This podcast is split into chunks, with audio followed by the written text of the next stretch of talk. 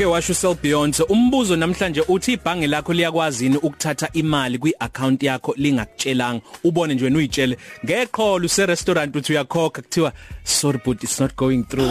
Uthi uyaphinda futhi kuthiwa sorry but uzube namahloni. Nabo sisters la ne makeup neinzipho ne weave bona bayikhokhile ngani hayibo wena obakhiphile nje. Mm. Kodwa umuntu ongasitshela lokho noma sichazisele noma siphendule lo mbuzo uBrian Thabethe. Hey Brian. sauce Hey Selby. Ukhanda? Ya, hey niyaphila? sharp mfethu siyaphila phela sonto yakhe ihambe kahle Hambe kahle kakhulu, hambe kahle kakhulu. Kuhambe kahle kunini? Ah siyaphila mfethu ulula Brian umbuzo linayo yini Kakhulu. imvume linalo yini ilungelo ibhange ukuthi livele lithatha imali ngingazi mina Eh njengoba ngibingelele ngibingelele Selby ngibingelele umlaleli wokhozi. Cha, ukuphendula lo mbuzo alinalo ilungelo ibhange lokuvele liyiqaphunele emalini yakho. Loku eh kususwe eh, umbango ovele lapha ya eh Joe National Credit Act ka usection 90 0.2 and 20 bekuthiwa eh kunokungaqondakali. Mhlambe ngizoboleka esilungwini ekuthiwa lo mthetho uambiguous eh ukuthi senze njani. Amabhangi ke eh, ngaphambi kwaloko abevele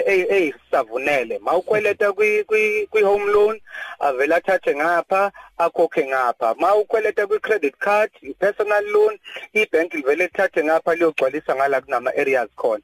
Eh i national credit regulator yasiphonsela inselelo ke eh, ibhange elithile u Standard Bank mangamusho nje ngegama ngonyaka ka2019 ukuthi inkantolo akiwuchaze lo mthetho ngoba amabhange bethi sizokwenza njani masibona la siya ukuthi nali million likhona kuyi saving kodwa naku ngala kwi credit card a- a- imali a- a- awufuni ukuyitransfer khona Mm. eh umthetho wasuyacaciswa ke ukuthi cha noma ngabe umuntu unemillion awunalo ilungelo lokuzithathela ngoba awulazi leli million ukuthi lingene nje lihlezi lapha engalitransfele nje kwenze njani. Mm. awunalo ke njengebank wena ilungelo. Kusukela lapho ke amabhangi ke ayakhuthaza ukuthi angakwenzi lokho. Okumele ibhangi likwenze ukukwazisa njomani ukuthi eh siyabona ngala ukuthi uyisikhonda khona. Singesizakala yini ukuthi sithinte ngale? Busuthi wena cha ngicela ningakuninga kwenzi lokho. Abanalo ilungelo lokuvele bazithathele ngibekela Eh, umzala namanje- ngibekela Yes. umzala kuyona yami leyo mali. Eh awumele ngisho uzubeke izathu nje manje kumele nje uthi eh ningathinti lapho. Abantu abaningi baye bangithinte nje manje bathi naku ngena ama debits engingawazi. Akukwazi ukuthi kube ngaphandle kwebhangi ke akekho umuntu onemvume yokuthatha imali yakho ngaphandle kokusayina wena i debit mandate form. Isayinwa uwena leyo nto wena ogunyazayo. Wonke umuntu othatha imali yakho ungavumanga. Mangithi wonke umuntu wonke umuntu nosazimbala Hawu. sobuya next week sokhuluma ngayo akekho umuntu onelungelo lokuvela angene ephaketheni lakho asavule nje akona umthetho umthetho awugunyazi lokho. Ungavula nje icala impela bathathele izinyathelo laba abantu umuntu uzongibuza ukuthi naki imali yathathwa Brian? Hayi. ngenza njani? Ya nakho ke ngenza njani? Uma imali yakho ithathwe yibhangi ngaphandle kwemvumo yakho khululeka mntaka baba. Vele nje leyo nto uyifunele ummeli ozoyithatha ayise enkantolo ephakeme uzoluwina lelo cala.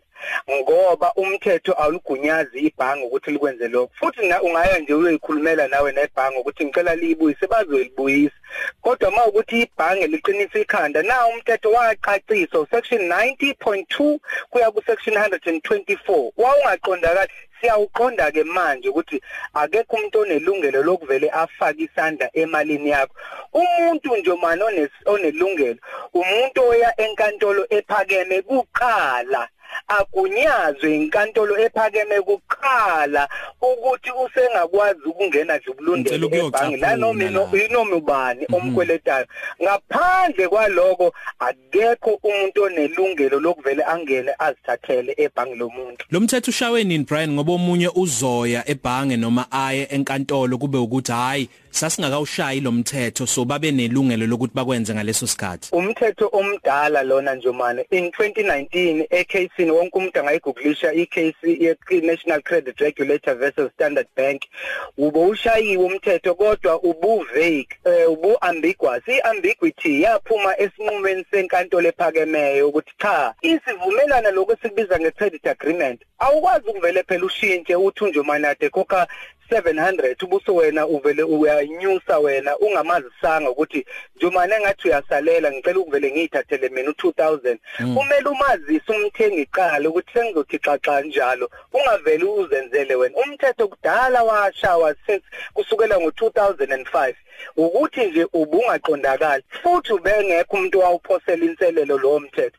Kwase ke i-National Credit Regulator yophosela inselelo yasiyasiwina leso sicelo ukuthi cha umthetho ucacile. Masivumelana nje manje ukuthi ngiyokunikeza 200 ngenyanga? Sivumelene lapho. Mase ngifuna ukuthi xaxa kufuneke ngicele uma ngingaceli noma ungavumi kumele ngiye enkantolo ephakemeyo ngiyofuna igunya lokuthi ngiyisithathele mina kwi-account kanjomani uma ngingazenzanga zonke lezo step konke engikwenzile kuphambene nomthetho kufuneke leyo mali ibuyiselwe.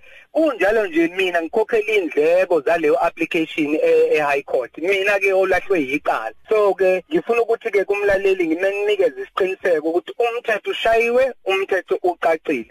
Laba abathathelwe imali ke ezivele zidebithwe hamba mntaka babe uyovula icase ye fraud akekho umuntu onelungelo lokuthatha imali ngaphandle kwemvumo yakho. Kwenzeka sometimes uthola ukuthi uyavuma uyasayina izinto kanti wena wawuvumile. Mayisithatha imali ubusubuya uyakhala wena uthi hayi ngangingavumanga. Cha mawazi kahle ukuthi awuvumanga nje manje nawe selfie uneqala futhi uneqala eliwinekayo uthinta ukuthi uthinta indaba kaSARS wawusuthi nangesonto elizayo sizoyichaza. Ngabe mhlambe uyenza lenkulumo ibe uchungechunge iseries?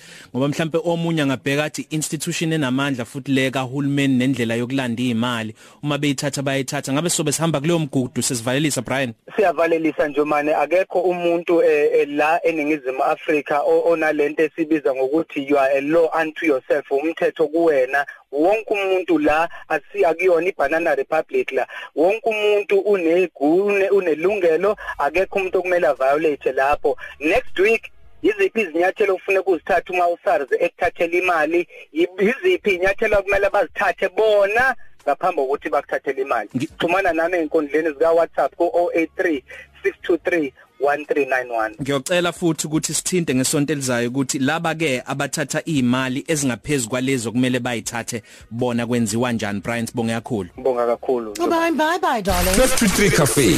Namhlanje asifani nezolo okusha kodwa.